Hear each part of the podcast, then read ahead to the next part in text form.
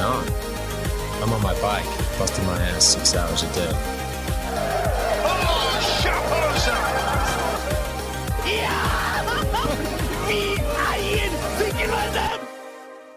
Velkommen til Sykkelsirkuset. Sykkelsirkuset! Sykkelsirkuset, velkommen. Vi er en helt ny sykkelpodkast som gir dere fra de største sykkelløpene på sykkelkalenderen innenfor landevei. Eh, og vi snakker om opptur og nedturer og fun facts og minner og uh, spår fremtiden og, uh, og alt som er interessant rundt eh, landeveissykkel, egentlig. Absolutt. Og nå er det Tour de France! Nå er det Tour de France. Endelig er vi her. Det er en måned siden vi lagde en podkast sist. Det var om Giro d'Italia, så nå skal vi prøve å kanskje gi dere litt flere episoder om Tour de France. Ja, det ser vi virkelig frem til. Det er jo, det er, ja, det er jo 108. Tour de France i år. Eh, den er kanskje allerede i gang når du hører den podkasten her. Den er 3414 km lang. Og det er en av de lengste de siste 20 årene, så vi har masse sykkelkilometer å se fram til. Absolutt. eh, Vi gleder oss. Og så er det jo ti år siden eh, Tour de France i 2011. Vi husker- Fantastisk år. Ja, det var eh, fantastisk, i hvert fall med norske øyne. Ja, absolutt. Eh, og jeg vet ikke om vi noensinne kommer til å oppleve noe sånt igjen. Det er kanskje lite trolig.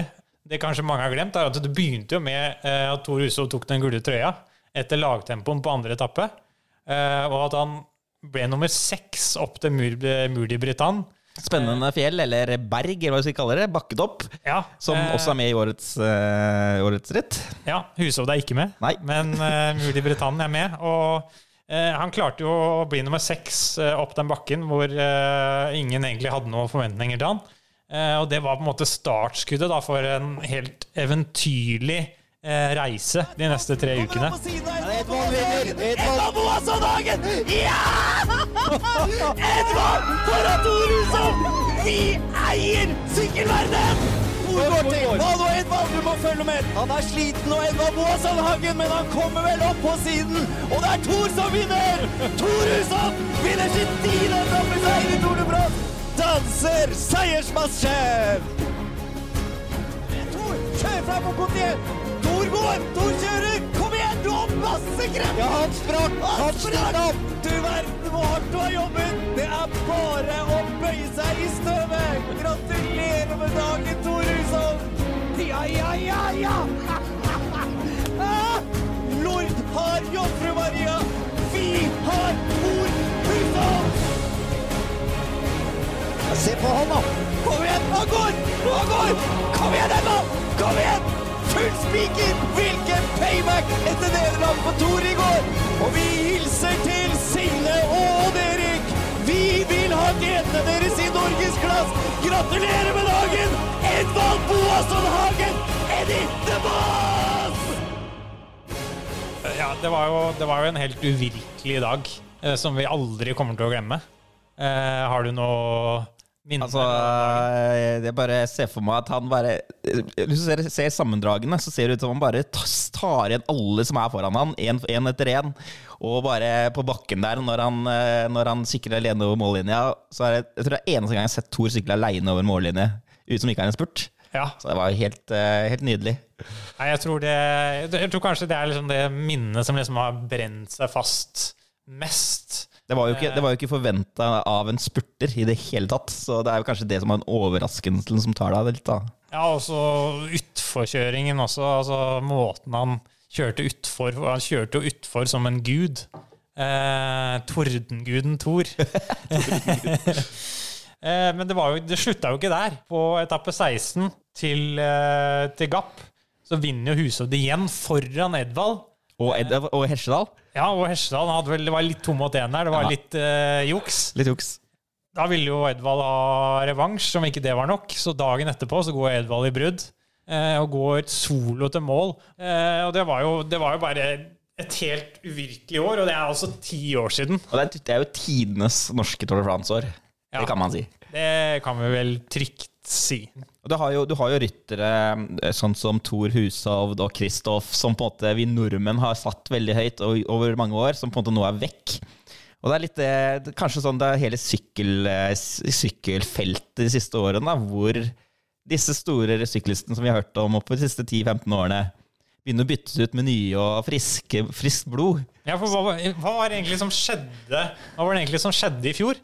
Jeg føler er liksom Etter korona så har hele sykkelsporten forandra seg. Det er liksom, Hvor er de gamle, gode syklistene? De er plutselig vekk. ja, og de vinner jo ingenting. De har jo, de har jo nesten ikke nubbsjanse lenger. Bortsett fra, bortsett fra Cavendish, som tar andre veien. ja, Cav er back. Det er er ganske back. sykt, da. Det er ganske vilt. Eh, Det var vel ingen som hadde trodd at Cavendish skulle sykle Tour de France igjen. nei, absolutt Det har i hvert fall jeg aldri trodd. Nei, det var jo, Så- Han var jo over ut for, eh, for de fleste, tror jeg. Og, eh, og når han nå er tilbake og har vunnet mye ritt i år også. Ja. Så jeg ble jo spurt Han har vel fortsatt ikke vunnet noen store ritt, Nei. men eh, Det var vel Polen rundt han vant mye, var det ikke det? Ja, Tyrkia rundt, Tyrkia rundt det. herja han voldsomt. Ja. Men, uh, han var jo Men han har også en del Han hadde vel en etappeseier i Belgia rundt òg, tror jeg. Ja, Han har, det blir jo, ja, og så er han erstatt Han kommer jo inn i grevens tid. Han kommer jo inn i siste time. For Sam Bennett. Ja, som tok den eh, grønne trøya i fjor, så det er jo ikke hvem som helst han erstatter. da. Eh, denne lagsjefen til Quick, Quickstep er jo en meget spesiell eh, type. Patrick, Men- Patrick Lefebvre. Men det er jo noe som gjør, gjør Tour de France år litt mer spennende. At det kommer inn en gammel traver som Cavendish. Ja, og så er jo Greipel er jo faktisk med også. Det kan jo bli en duell der. Han har faktisk vunnet et ritt i år, så er, liksom, er, er 2021 liksom de store, den store veteran-comebackenes eh, år. Og det bringer jo inn Edvald også. Ja. Kan han liksom finne den samme gnisten og komme tilbake? Og kan vi få se noe av det samme som vi fikk se etter Pinerolo, vi fikk se i 2011? Det er jo det store spørsmålet. Nå har han ikke Tor Hushovd å spurte mot, men kanskje han klarer det uansett. Ja. I, sånn, sånn som det gjorde i Gap. Ja. Men apropos disse duellene, du, har, eh, du hadde jo Greipel og Cavendish som i år. Og så hadde du kanskje sånn Boonen og, mot Cancellara, hvis man tenker liksom mange år tilbake. Og disse duellene I år så har vi kanskje en helt ny duell som vi har i landeveissirkus har vi sett det de siste par årene, men det er jo da Mathieu van der Poel mot uh, Faut van Ert. Ja, jeg gleder meg, ass. Det er jo en Helt, eh, legendarisk duell. Jeg føler, jeg føler liksom at tatt, de har tatt sykkelsporten til et nytt nivå. Absolutt. Det er liksom det er før og etter Van de Pool og Wout van Aert. Du har jo disse, disse du har liksom Greg van Amat, Philip, Philip Schelbert, som er med i år også, faktisk. Eh, Sagan, Boonen, Cancellara Altså disse p- som er de sterke rytterne som på en måte er veldig gode i de små bakkene, bratte bakkene. Eh, Gilbert er jo med i, med i år, men eh, spørsmålet er om han har noen sjanse mot uh, van Aert og van de Poel. det tviler jeg litt på. Ja. Men, men disse to, disse to uh, henholdsvis uh, Belgien og, og nederlenderen, Ja. disse, er jo, disse har jo konkurrert med hverandre siden 2012 i, i cyclocross, hovedsakelig.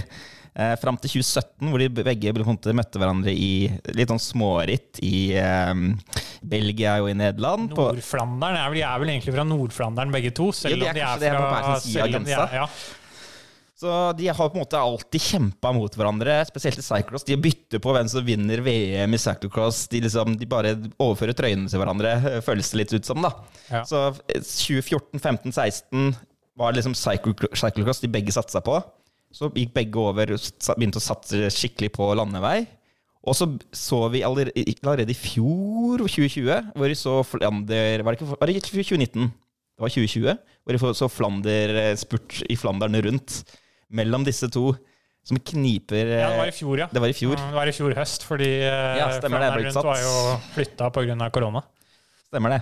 Og da ser du hvor jevn den spurten er. En av de jevne spurtene jeg har sett. De følger hverandre de siste 200 meterne når, Fautvan, nei, når uh, Van Ert går på, ba- på bakhjulet til eh, Van der Poel. Men Van der Poel klarer akkurat å holde, holde den bak seg. Ja, det var helt, Fra det var første helt posisjon. vilt. Det var helt vilt. Og det, er sånn, jeg har sett, det var annet i Gent Wevelgem, som også er for de som ikke er så inne i, følger så mye med på sykkelsporten, så er jo det disse vårklassikerne, disse store rittene på våren.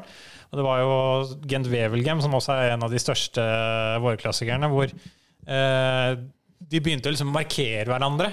Så de var liksom, eh, og det har du sett i en del andre ritt også, hvor de egentlig bare har vært opptatt av hverandre. Ja, og du har jo, du har jo eh, eh, Van der Poel vant jo Amsterdam Gold Race 2019. Uh, så vant han Flandern 2020, og så vant han Strade Bianchi i år. Eh, så du, har- på en måte ryttere som både kjemper i brosteinsklassikerne og Ardenne-klassikerne, som er litt sånn Det er ikke alltid man finner. Det er, det er litt sånn, sånn Philip Gilbert gjorde kanskje. Han endra litt fokus. Gikk fra denne klassikere til brostein-klassikere. Ja. Men disse rytterne her kjemper i begge typer kategorier. Og samme van, uh, van Ert, som vant Milan San Remo i 2020 og Amstel Gold Race i år, og Gent VLGM i år. Ja, så føler jeg liksom De kan egentlig vinne nesten alt. Unntagen kanskje de, de, de, eh, de bratteste fjelletappene. Ja, de største fjelletappene. Ja, Du så jo van Ert i fjor, da han satt i foran og dro Roglic over de sykeste fjella. Det er jo på en måte, Ja, han, han er faktisk eh, helt- rå der òg. Helt vilt. Og da, da begynte vi å prate om kan, liksom, kan van Ert vinne Tour de Ja, ikke sant? Og da, var, da tenkte vi at liksom, det kanskje kunne være mulig i fremtiden. da Ja. Men han er vel ikke helt der ennå, kanskje. Og så har du jo, har du jo uh, van Ert eh, har jo et lag, han må, han må, han må på en måte støtte med Roglic, mens van der Poel er nok en litt friere rolle. Hvor på en måte han kan, blir kanskje sett som en, som en kaptein. og, og så sies det også at han har uttalt at årets høydepunkt er jo mountainbike i eh, OL. Ja. Så han, sannsynligvis så kommer han ikke til å fullføre Tour de France. Og det er også litt det spennende. også er jo ganske sykt i seg selv. At uh, ikke bare, ikke bare liksom, Hvis du ser på sesongen hans, da så Ikke bare er han verdensmester i cyclocross, som han ble, uh, han ble verdensmester i cyclocross i, uh, i vinter. Og så har han, deltok han i sitt første terrengsykkelritt siden 2019. Og han vant en kortbaneverdenscup i Alpstadt.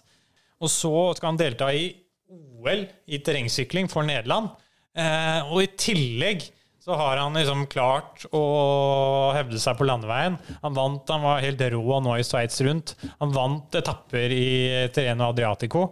Og det var, jeg tror det var en etappe i Terreno Adriatico hvor han, eh, hvor han gikk, eh, gikk i brudd, for han, eh, han var så kald. Han ville ikke sitte i feltet lenger, så han bestemte seg for at eh, nå måtte han bare kjøre for å holde varmen, og så vant han da gikk alene til mål. Det er, jo, det, er jo, det er jo både fantastisk sportslig, og det er på en måte to figurer som skiller seg litt ut og på en måte tar litt plass. Og det, det trenger vi i sykkelsporten. da. Ja, absolutt. Det, er jo det er, liksom, det er noe mytisk med den duellen. da.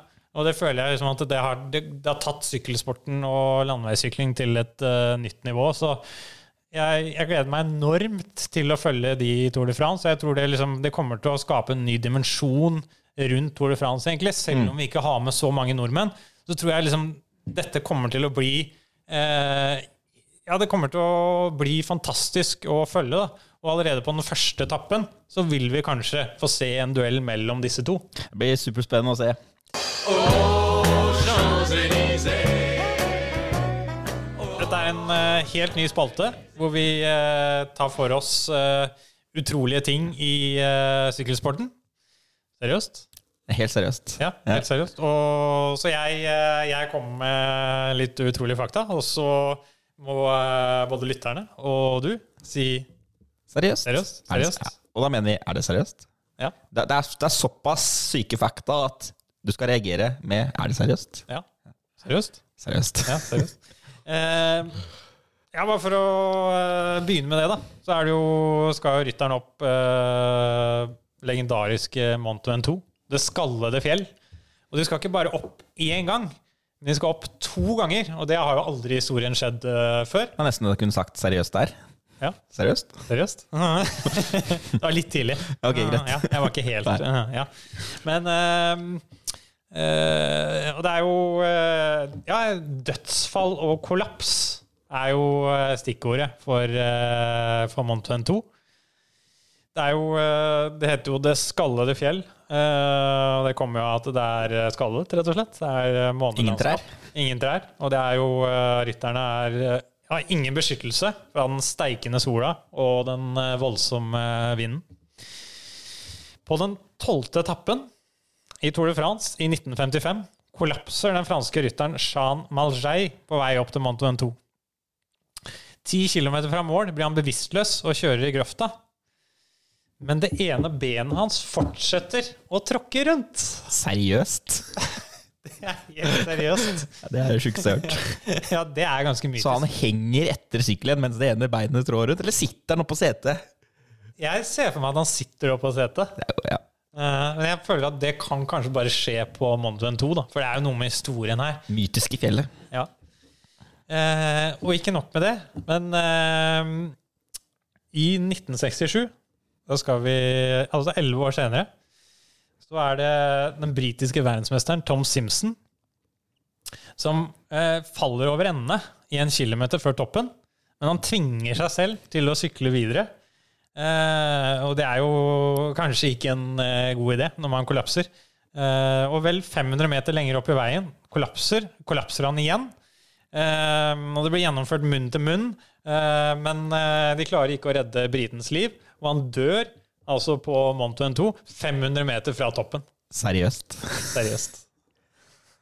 Ja, det, er, eh, det, er, det er ikke rart dette fjellet blir kalt mytisk når man Nei. eh, hører disse historiene. Og den offisielle dødsårsaken eh, er bl.a. dehydrering. Da.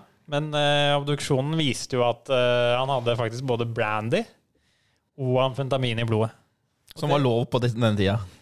Eh, ja, det var det jo helt sikkert. Men eh, jeg regner at vi vi kommer til Jeg håper at vi kommer til å se litt mindre brandy og litt mindre amfetamin i år, da.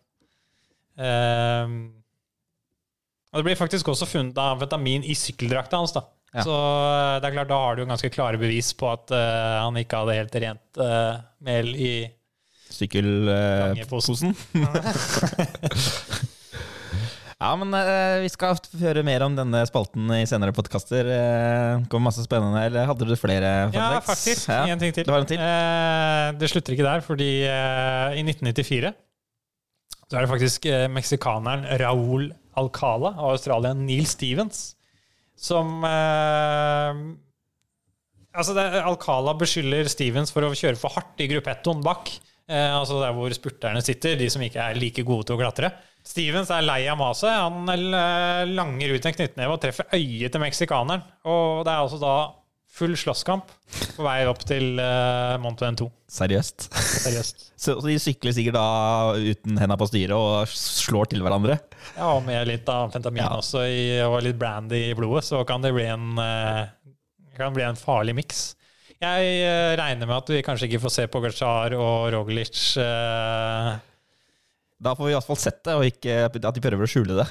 hvem, eh, hvem hadde vært sterkest i en eh, slåsskamp opp eh, Mont Ventoux? Roglic Altså. Roglic er jo skihopper, så han har vel Han har vel noen andre egenskaper. Kanskje han driver med boksing, hvem vet. Han er en allsidig type, så jeg satser på Roglic. 48.-plass i kontinentalcupen i Vikersund i 2009, tror jeg det var. Det er ganske greit å ha på CV for en, CV-en for en syklist. Syklist. Ja, det er fantastisk. En av kanskje tidenes eh, beste bytte av sport, tenker jeg da. Fra hoppsporten til sykkelsporten. Men uh, Seriøst? Ja, seriøst. Men eh, vi skal, vi skal få høre mer, flere sånne seriøst spalter i podkasten som kommer. Så bare gled dere til flere crazy fun facts og uh, ville historier fra Tom Klefstad.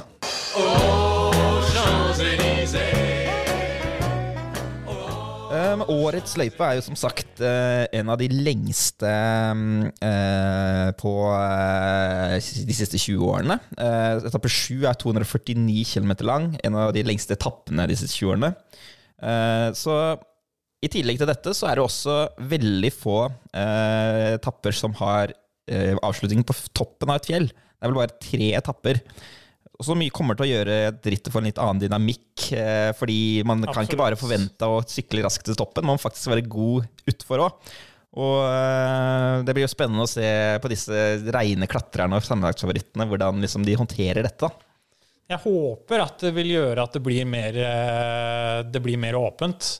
Og at det blir kanskje flere som velger å gå i brudd, og at det blir Jeg håper at de største lagene vil eh, kjøre, da, sånn som Ineos og eh, Jumbo, at de vil eh, kjøre ordentlig. At ikke det blir eh, sånn at alle favorittene bare sitter og titter på hverandre. Da. Men utover, utover fjelletappene, hva annet har vi å se fram til, eh, Tom? Nei, vi har eh, Det er ganske mange halvharde etapper. eh, Og som vi har vært inne på, så er jo det mat for van Ert og van de Poel. Eh, Så det er seks eh, halvharde etapper, da, sånn medium mountains. eh, Fem flate etapper. Etapper for spurterne. Vi har jo også en del Vi har en del spurtere som gode spurtere, annet Caleb Ewan er jo med, vant to etapper i giroen, er kanskje den aller raskeste i en flat spurt. Og så, altså Hvis du skulle trukket fram en etappe, da eh, hva, hva, liksom, hva kan vi se fram til? Hvis du skal plukke fram én etappe, liksom, denne må du se. Nei, Vi var jo inne på Mont Ventoux, da. Og det er jo vanskelig å ikke trekke frem den. da. Ellevte etappe, hvor skal, rytterne skal to ganger opp uh, mytiske Monto N2. Og det tenker jeg liksom, det blir det store høydepunktet. Og det blir kanskje jeg, jeg, ser for meg at det kan bli en av tidenes Tour de France-etapper. Kanskje, kanskje, ikke med norske men, uh, men sånn uh, historisk sett så tror jeg det kan bli ja, det blir, det blir, helt fantastisk. De skal altså opp to ganger. De skal først opp uh, Mont Ventoux fra østsiden, fra Salt, hvor det er uh, 20, 22 km med 5% stigning, så det er ikke like bratt. Så skal de stupe ned igjen, og så skal de opp til skallede fjell en gang til, og da sykler de opp fra den vanlige siden, da, som er brattere, hvor det er, nesten, det er 16 km med nesten 9% i snitt. Og som vi var inne på i stad, det er jo ikke bare det er jo ikke bare sti, stigningsprosenten som gjør Mount Ventoux som har, men det er jo det at rytterne ikke har noe beskyttelse. Og at det er dette månelandskapet, og de, mm. ofte så er det jo motvind. Mm. Og, eh, og, så skal det jo da Det er ikke da målgang på toppen, men de skal jo ned igjen også. Som ja, det som gjør det litt spennende og annerledes, er at jeg gleder meg litt til å se disse utforkjøringene, for det kommer til å bli utrolig viktig, og det kommer til å bli mer spurter mellom sammenlagtfavorittene også. Ja, Flate spurter. Og, ja, ikke sant? Og, hvem, eh, og så er det jo også bonussekunder også. Mm. Så når de skal opp eh, Mont Ventoux, så er det jo også bonussekunder som de må kjempe, kjempe om. Mm. det er også en faktor. da. Mm. Så det er klart Hvis det blir sekund, sekundstrid, så kan jo det være en avgjørende faktor òg, da. Mm. Og så har, du, har du jo etappe 18, som er Den er bare 130 km lang. Og dette, dette, er jo veldig, altså det er veldig kompakt etappe, men inneholder både to ikoniske og klassiske fjell. Første er Tourmalet, som er 17,3 km lang, på en, en gjennomsnittsstigning på 7,6% Det er jo et eh, fjell som har blitt klatra mange, mange ganger før. Du har vært der oppe, har du ikke det? Jeg har vært der en tur, kikka ja. litt. Uten sykkel. Eh, det ble bil den gangen. Ja, ja. Um, og så skal de ned fra Tourmalet, og så er det en av disse Dette er en av da tre Eh, etapper med målgang på toppen av et fjell. Og da skal de opp uh, Lus Ardiden, som er godt kjent for oss nordmenn, der eh, Dag Otto Lauritzen tok um, første norske etappeseieren i 1987. Ja, Det er jo, kan jo være at Tour de France blir avgjort der. Det er jo, Lus Ardiden er den siste, uh, siste fjellet i Tour de France på etappe 18. Og da er det bare etappe 20 på med, med um, tempoen som kan avgjøre eller gjøre forskjell på sammenlagtlista. Ja, så det er jo to, blir, to, etapper som vi må, må, få med oss. Det blir jo helt vilt. Ja, det blir gøy. Eh, ja, jeg, jeg, jeg, liksom, jeg, var litt skeptisk når jeg så at det var mindre toppavslutninger. Det er jo bare, som vi var inne på, det er bare toppavslutninger på etappe 9, 17 og 18. Uh, eh, og det er jo litt uvanlig, men uh, jo mer jeg kikker på løypa, og liksom, jo mer jeg uh, ser på favorittene, så tenker jeg at dette kan bli Det kan bli helt rått. fordi som du var inne på, det skaper en annen dynamikk. da. Og det kommer jo helt an på hvordan lagene angriper, angriper det. Mm. Ja, det blir superspennende. Noen vi kanskje ikke får se der, er jo, eh, er jo kanskje Stake Laengen, Boasen Hagen og Amel Grøndal Jansen, som er våre norske alibier i vår store France. Hva tror du om disse, hva kan disse få til? Er det, er det, er det noe håp om seier, noen seire? Det er, jo, det er jo håp, men samtidig må vi kanskje stikke fingeren litt i jorda da, og være litt edruelige. Eh, det er klart, nå er vi jo, nå er vi jo litt eh, Godt vant? ja, vi har jo blitt litt bortskjemte. Og vi har jo Når Kristoff vant den første etappen i fjor, så var det jo noen 19. etappeseieren til Norge i eh, Tour-historien.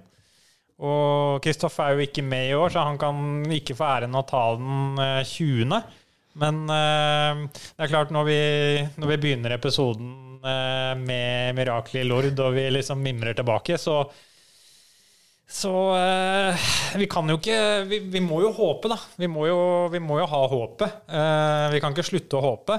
Men uh, jeg tror jo at uh, Grønne Alliansen har jo hatt en litt svak sesong. Uh, uten de store resultatene. Og han er jo Kanskje vil han være en litt sånn hjelperytterrolle for Michael Matthews. Eh, men han kan jo få sjansen på noen flate etapper som blir litt for lette for Matthews, da. Og om han i hele tatt får en sjansen til å spurte eller eh, gå i brudd, det kommer jo litt an på laget og hvordan ambisjonen deres eh, ut, utvikler seg. Ja. Og, og det er vel litt samme med Stake Lang, hvis ikke han Da kan man si at kanskje enda mer låst til Verdens, eh, eh, verdens beste hjelperytter. Ikke sant? Vegard Stake sant? Enda mer låst til eh, laget, og Pogacar har vel eh, Han skal vel slepe Pogacar oppover eh, i vinden og på de flatere, flatere strekkene. Ja, det var det han gjorde i fjor. da Han var jo enormt god i fjor. da Han går litt Han holdt jo litt oppover fjellene nå. Han går litt under radaren her i Norge, men han, jo en, han var jo veldig delaktig i Pogacars eh, seier i fjor. da. Eh, så det blir jo spennende å se hva slags rolle han er. Vi har jo sett i Vueltaen at han har fått sjansen i brudd. og Han har faktisk var ganske nærme i Vueltaen å vinne en etappe der for noen år siden. Men da hadde de ikke fjorårets Tour de France-vinner på laget, kanskje? Nei, Så, det er det som er problemet, da. Så eh, Nei, han kan jo få sjansen i brudd, men eh, jeg tror ikke det. Jeg tror vi skal være litt uh, forsiktige med å liksom eh, si det, da. Men så er det jo Edvald, da. Da har vi én igjen. Ja. Gode, gamle Gode, Edvald. gamle Edvald. Vi kan jo ikke avskilte Edvald. Altså, Jeg han er kommer jo, aldri til å avskilte Edvald. Nei, Han skal alltid ha et lite håp. ja, altså, han er jo en legende. Det er, det er lett å glemme det, for vi har hatt så høye forventninger til han, og han er jo, Vi hadde kanskje trodd at han skulle bli en enda bedre sykkelrytter. Vi, vi trodde jo etter hvert at han skulle vinne Tour de France. Og han, eh, når han sykla i Sky, så, så hadde han jo en litt sånn eh, hjelperytterrolle for bl.a. Wiggins og Froome. og Og det er det som, vel, som er veldig forskjell nå i Team Total Energies, hvor han på en måte har fått hele teamet har sagt at vi skal gå for brudd. Det, er, det er på en måte planen deres, og da passer jo Edvald perfekt inn i dette, denne planen. Det gjør jo det, men så er problemet at han er jo ikke på et like høyt nivå som tidligere. Da. Han har jo ingen resultater eh, i år å skrive hjem om. Men hvis det er noe som nesten garantert, er at vi kommer til å få se han i et brudd. Ja, det, det tror jeg, og han kommer til å prøve. Eh, men, men spørsmålet er om han er god nok. Da. Og Det var jo dette vi var inne på liksom med dette generasjonsskiftet, da, hvor det har kommet opp ryttere som er på et ekstremt høyt nivå. Da. Og Det er ikke sikkert at Edvald er noe dårligere enn han har vært tidligere, men det er bare det at nivået er så utrolig høyt da, i Tour de France. Og det er jo noe som gjør at jeg at vi kan glede oss ekstra da, til årets Tour de France, fordi nivået er så enormt. Men jeg føler at eh, kanskje Edvald fortjener enda litt mer respekt. da. Fordi det har liksom blitt snakket om at uh, han ikke er eh, på det nivået han var tidligere. Men han, han har faktisk 81 proffseire. Uh, og det er mange som har snakket om at han uh, kunne vunnet Tour de France og kunne blitt enda bedre. Men, men han har jo hatt en fantastisk karriere, da. Så jeg syns vi skal hylle Edvald. Og så håper vi at han finner beina han hadde i 2018, eh, 2017, og at han kan gå i brudd og kan ta en etappeseier. Vi krysser all, alt som kan krysses eh, for at dette skjer. ja.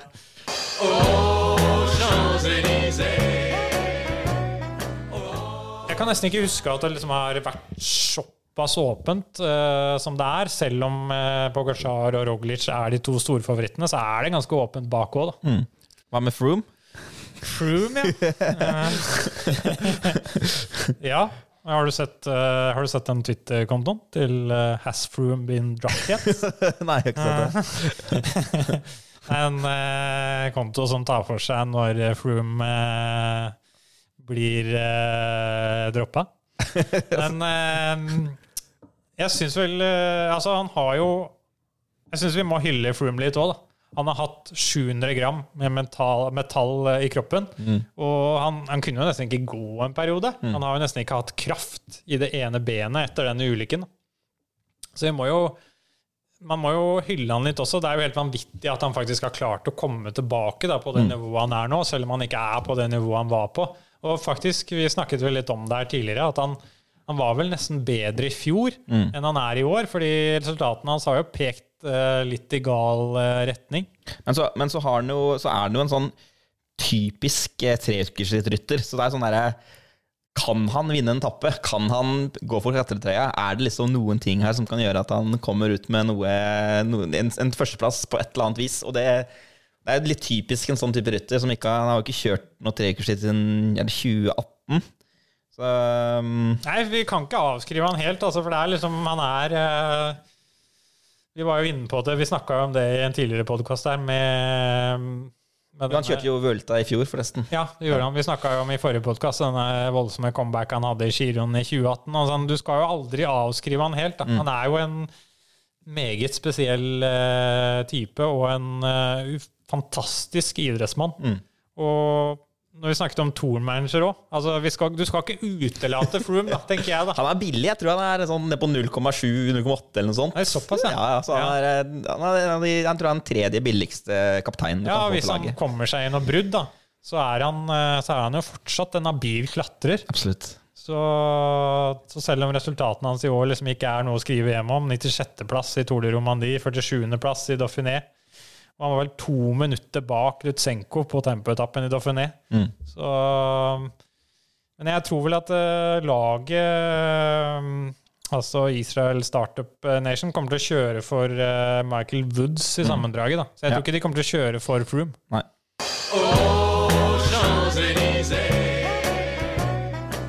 Ja, og så har vi noen flere ryttere òg, som eh, kommer til å jakte etappeseiere i årets eh, Tour de France. Og på toppen eh, av lista mi her så har jeg jo Ala Filip. Eh, han skal jo selvfølgelig nevnes. Vant Flesh Wallon i år og har jo Han jakter sin sjette etappeseier i Tour de France. Kommer nok ikke til å gå for noe sammendrag i år, selv om han har prøvd seg litt på det tidligere. Og ja, nei, jeg synes han har hatt en god sesong. Han har kanskje hatt en del andre- og tredjeplasser og litt eh, stang ut, men du må jo ha Alain Philippe på tourmanagerlaget ditt. I hvert fall første uka. Ja, Hvis ikke så er du jo, er du jo gal i hodet. Eh, så han må jo inn der. Han er jo eh, også kjent for å ha stjålet kona til eh, Tony Gallopin. Så, eh, så har du også Mark Hirschi. De eh, duellerte jo litt. Alle Filippo Hirschi duellerte jo litt i fjor også. Han var jo også en gjenganger på de fleste tourmanagers, tourmanagernes lag i fjor. Og Hirschi var vel Jeg tror han, han var jo han var vel i brudd på nesten hver etappe? var det ikke Ja, det? var jo så, så, så å si det, og så vant han et par etapper, tror jeg. Ikke det? Han. Han vant én etappe. Ja. Han har jo, det var jo hans første proffseier. Ja. Så det er ganske greit. Du skal ta en proffseier, så vinner du en etappe i Tour de France. ja, ikke sant. Ja. Og så vinner han jo La Flèche Vallon eh, noen måneder etterpå der også. Ja, absolutt. Så han er jo, har jo gått til UAE nå, da. Og, men han har kanskje ikke hatt noen supersesong etter at han gikk til UAE, så det er greit å ha litt i bakhodet for alle Tour-managere. At han har ikke hatt noen sånn supersesong. Men eh, han eh, vant Har jo vunnet. Altså, han har jo hatt eh, Han ble jo også kjent i fjor for den der tempostillingen hvor han satt med formarmene på styret. Og det har kanskje hjulpet han til å vinne og eh, hevde seg litt, da, men det er jo faktisk ikke lov lenger. Er det derfor han ikke har noen seier i år, kanskje? Ja, det kan være det. Skal ikke se helt bort ifra det. Det er eh, ikke lov lenger. Det er altså, USI eh, forbydde jo supertucking, som vi snakka om i forrige podkast, hvor det ikke er lov til å ligge ned på ramma lenger. Men eh, ikke nok med det. De har også forbydd eh, å ha forarmene på styret. Det betyr at rytterne kan ikke ligge i temposykkel på landeveissykkelen. Tempostilling. Tem de kan ikke ligge i tempostilling. Unnskyld. Så, så de, må ha, de må ha tempostyre for å, legge, for å kunne legge armene på styret. Ja. Ja. Så vi har sett noen ryttere som også har hatt armene på sykkelcomputeren Mm. for å kunne ha denne tempostillingen, men det er da altså ikke lov lenger, så da er det bare å glemme Mark Hirschi. Bye bye. 3000 kroner i sveitserfrank der, Ja. i bot.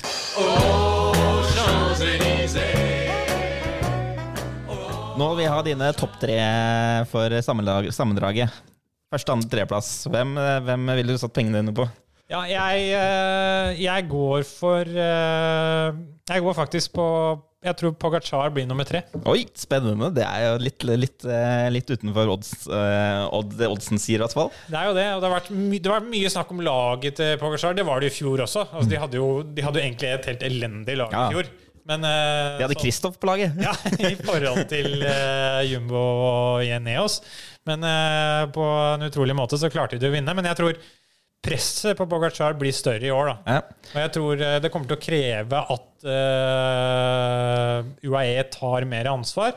Og jeg tror ikke de kommer til helt å klare det. Og selv om Bogacar er en uh, veldig reflektert og oppegående fyr som kommer til å gjøre det bra, så tror jeg han uh, ikke når helt opp i år. Greit. Min tredjeplass er Carapaz. Oi, Jeg, jeg tror Carapaz Jeg tror eh, Thomas ikke er god nok i, når blir for bratt. Jeg tror Carapaz eh, kommer til å klatre mye bedre. Og han er ikke så all verdens utfor heller. Det er kanskje tempoen som er Nei, der jeg arresterer deg. Carapaz er relativt god utfor. Han er vant til å kjøre i fjellene i Ecuador. Ikke sant? Og visste du at når han var 12-13 år, så sto han opp klokka fem hver morgen for å melke familiens syv kuer med hånd. Det tok han en drøy time før han måtte gå tilbake til huset og komme seg på skolen. Og etter skolen så måtte han hjem igjen, mate kyllingene og grisene. Og så kunne han, og så kunne han dra ut og trene. Eh, etter trening så måtte han dra hjem igjen og mate alle dyrene en gang til. Det er eh, spennende historier. eh. Seriøst? Seriøst? Er, Ja. det var feil spalte, det, kanskje. Ja, det var feil spalte. Men, eh, men jeg, tror han, jeg tror på en måte han kommer til å parkere John Thomas i fjellene. Og, og, Ja, det, det tror jeg òg. så, så det blir en Jeg setter ham på tredjeplass. Hva med din andreplass? Uh, jeg tror uh, Roglic blir nummer to i årets Tour de France. Jeg tror eh, han kommer til å Jeg tror han kommer til å takle presset, selv om det blir spennende å se om han eh, fortsatt er litt prega mentalt av det som skjedde i fjor. Da. Så tror jeg han har fortsatt et fantastisk lag. Han Ert eh, kommer blant annet kommer til å støtte han. De har dette store danske klatretalentet Jonas Wingegård, som også kommer til å være en god hjelperytter for Roglic. Og jeg tror, eh, jeg tror at han kommer til å dra fordel av tempoetappene. eh, som er flate, som vi snakka om. At han er jo enormt ja, aerodynamisk og god på flate tempoer. Men jeg tror ikke det holder helt inn. Jeg tror han kommer til å bli distansert i fjellene. Men jeg tror også Roglic blir nummer to i årets Tour de France. Ja, men hva, hva er din uh... Nei, min er jo uh, Pogacar. Din tredjeplass. Han, uh, jeg føler han er, han er god i alt. Ja. Han er god på tempo, god i bakker, god utfor, cyclocross-egenskaper. Han, eh, Han er ikke verdensmester i cyclocross. Det er han ikke. Men han er på en måte Han, har, han, har, han er en gjennomgående allrounder, kan det meste. Og, eh, Han er helt fantastisk på tempo, han òg. Ja, det er akkurat det. å ikke glemme det. og, og laget hans er jo, eh, vil jo si, er vesentlig forsterket i år, med, med Rafael Maika. Ikke minst, på en måte som kan hjelpe han, eh, hjelpe han i fjellene. Ja, Det er litt eh, interessant at eh, ingen av oss tipper at han vinner igjen. Ja, det er spennende. Det er, men hvorfor det? Har du, på, du har jo allerede Roglic, så jeg er spent på din førsteplass. Et lite langskudd, men jeg tror Richard Carapaz Richard. Richard Carapaz er det vel, vinner årets Tour de France.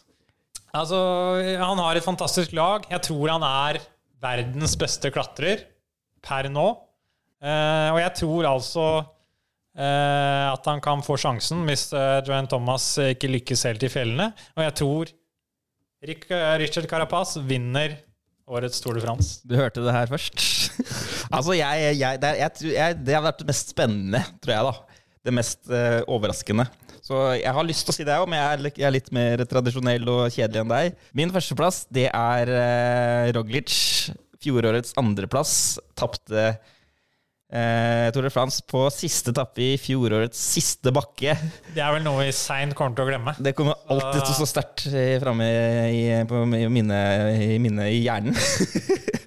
Men eh, Eh, Det eneste eller som det som sitter igjen, som har brent seg fast hos meg, det er den der tempohjelmen hans. ikke sant? Som eh, han liksom ikke hadde fått ordentlig på seg. Altså, han ser ut som en sånn skolegutt som sykler oppover der. Og når han eh, innser at han eh, har tapt også, så spørsmålet er Kommer han til å bruke den samme tempohjelmen i år? Det håper vi. For hvis du ser det bildet der igjen. Og så har vi også vært å nevne Vi har også Gabriel Rask, da. Som er Sant? eh, Vårt norske alibi. Vi har faktisk en nordmann som kan vinne Tour de France. Det er helt riktig, det. Ja, nei, men vi, eh, vi takker for oss. Vi gleder oss til eh, årets eh, Tour de France. Og som sagt, når du hører dette, så er vi kanskje allerede i gang. Takk for at du hørte på, og så kommer vi kanskje tilbake eh, fortere enn du aner. Champs-Élysées. Champs-Élysées. Au soleil, sous la pluie, à midi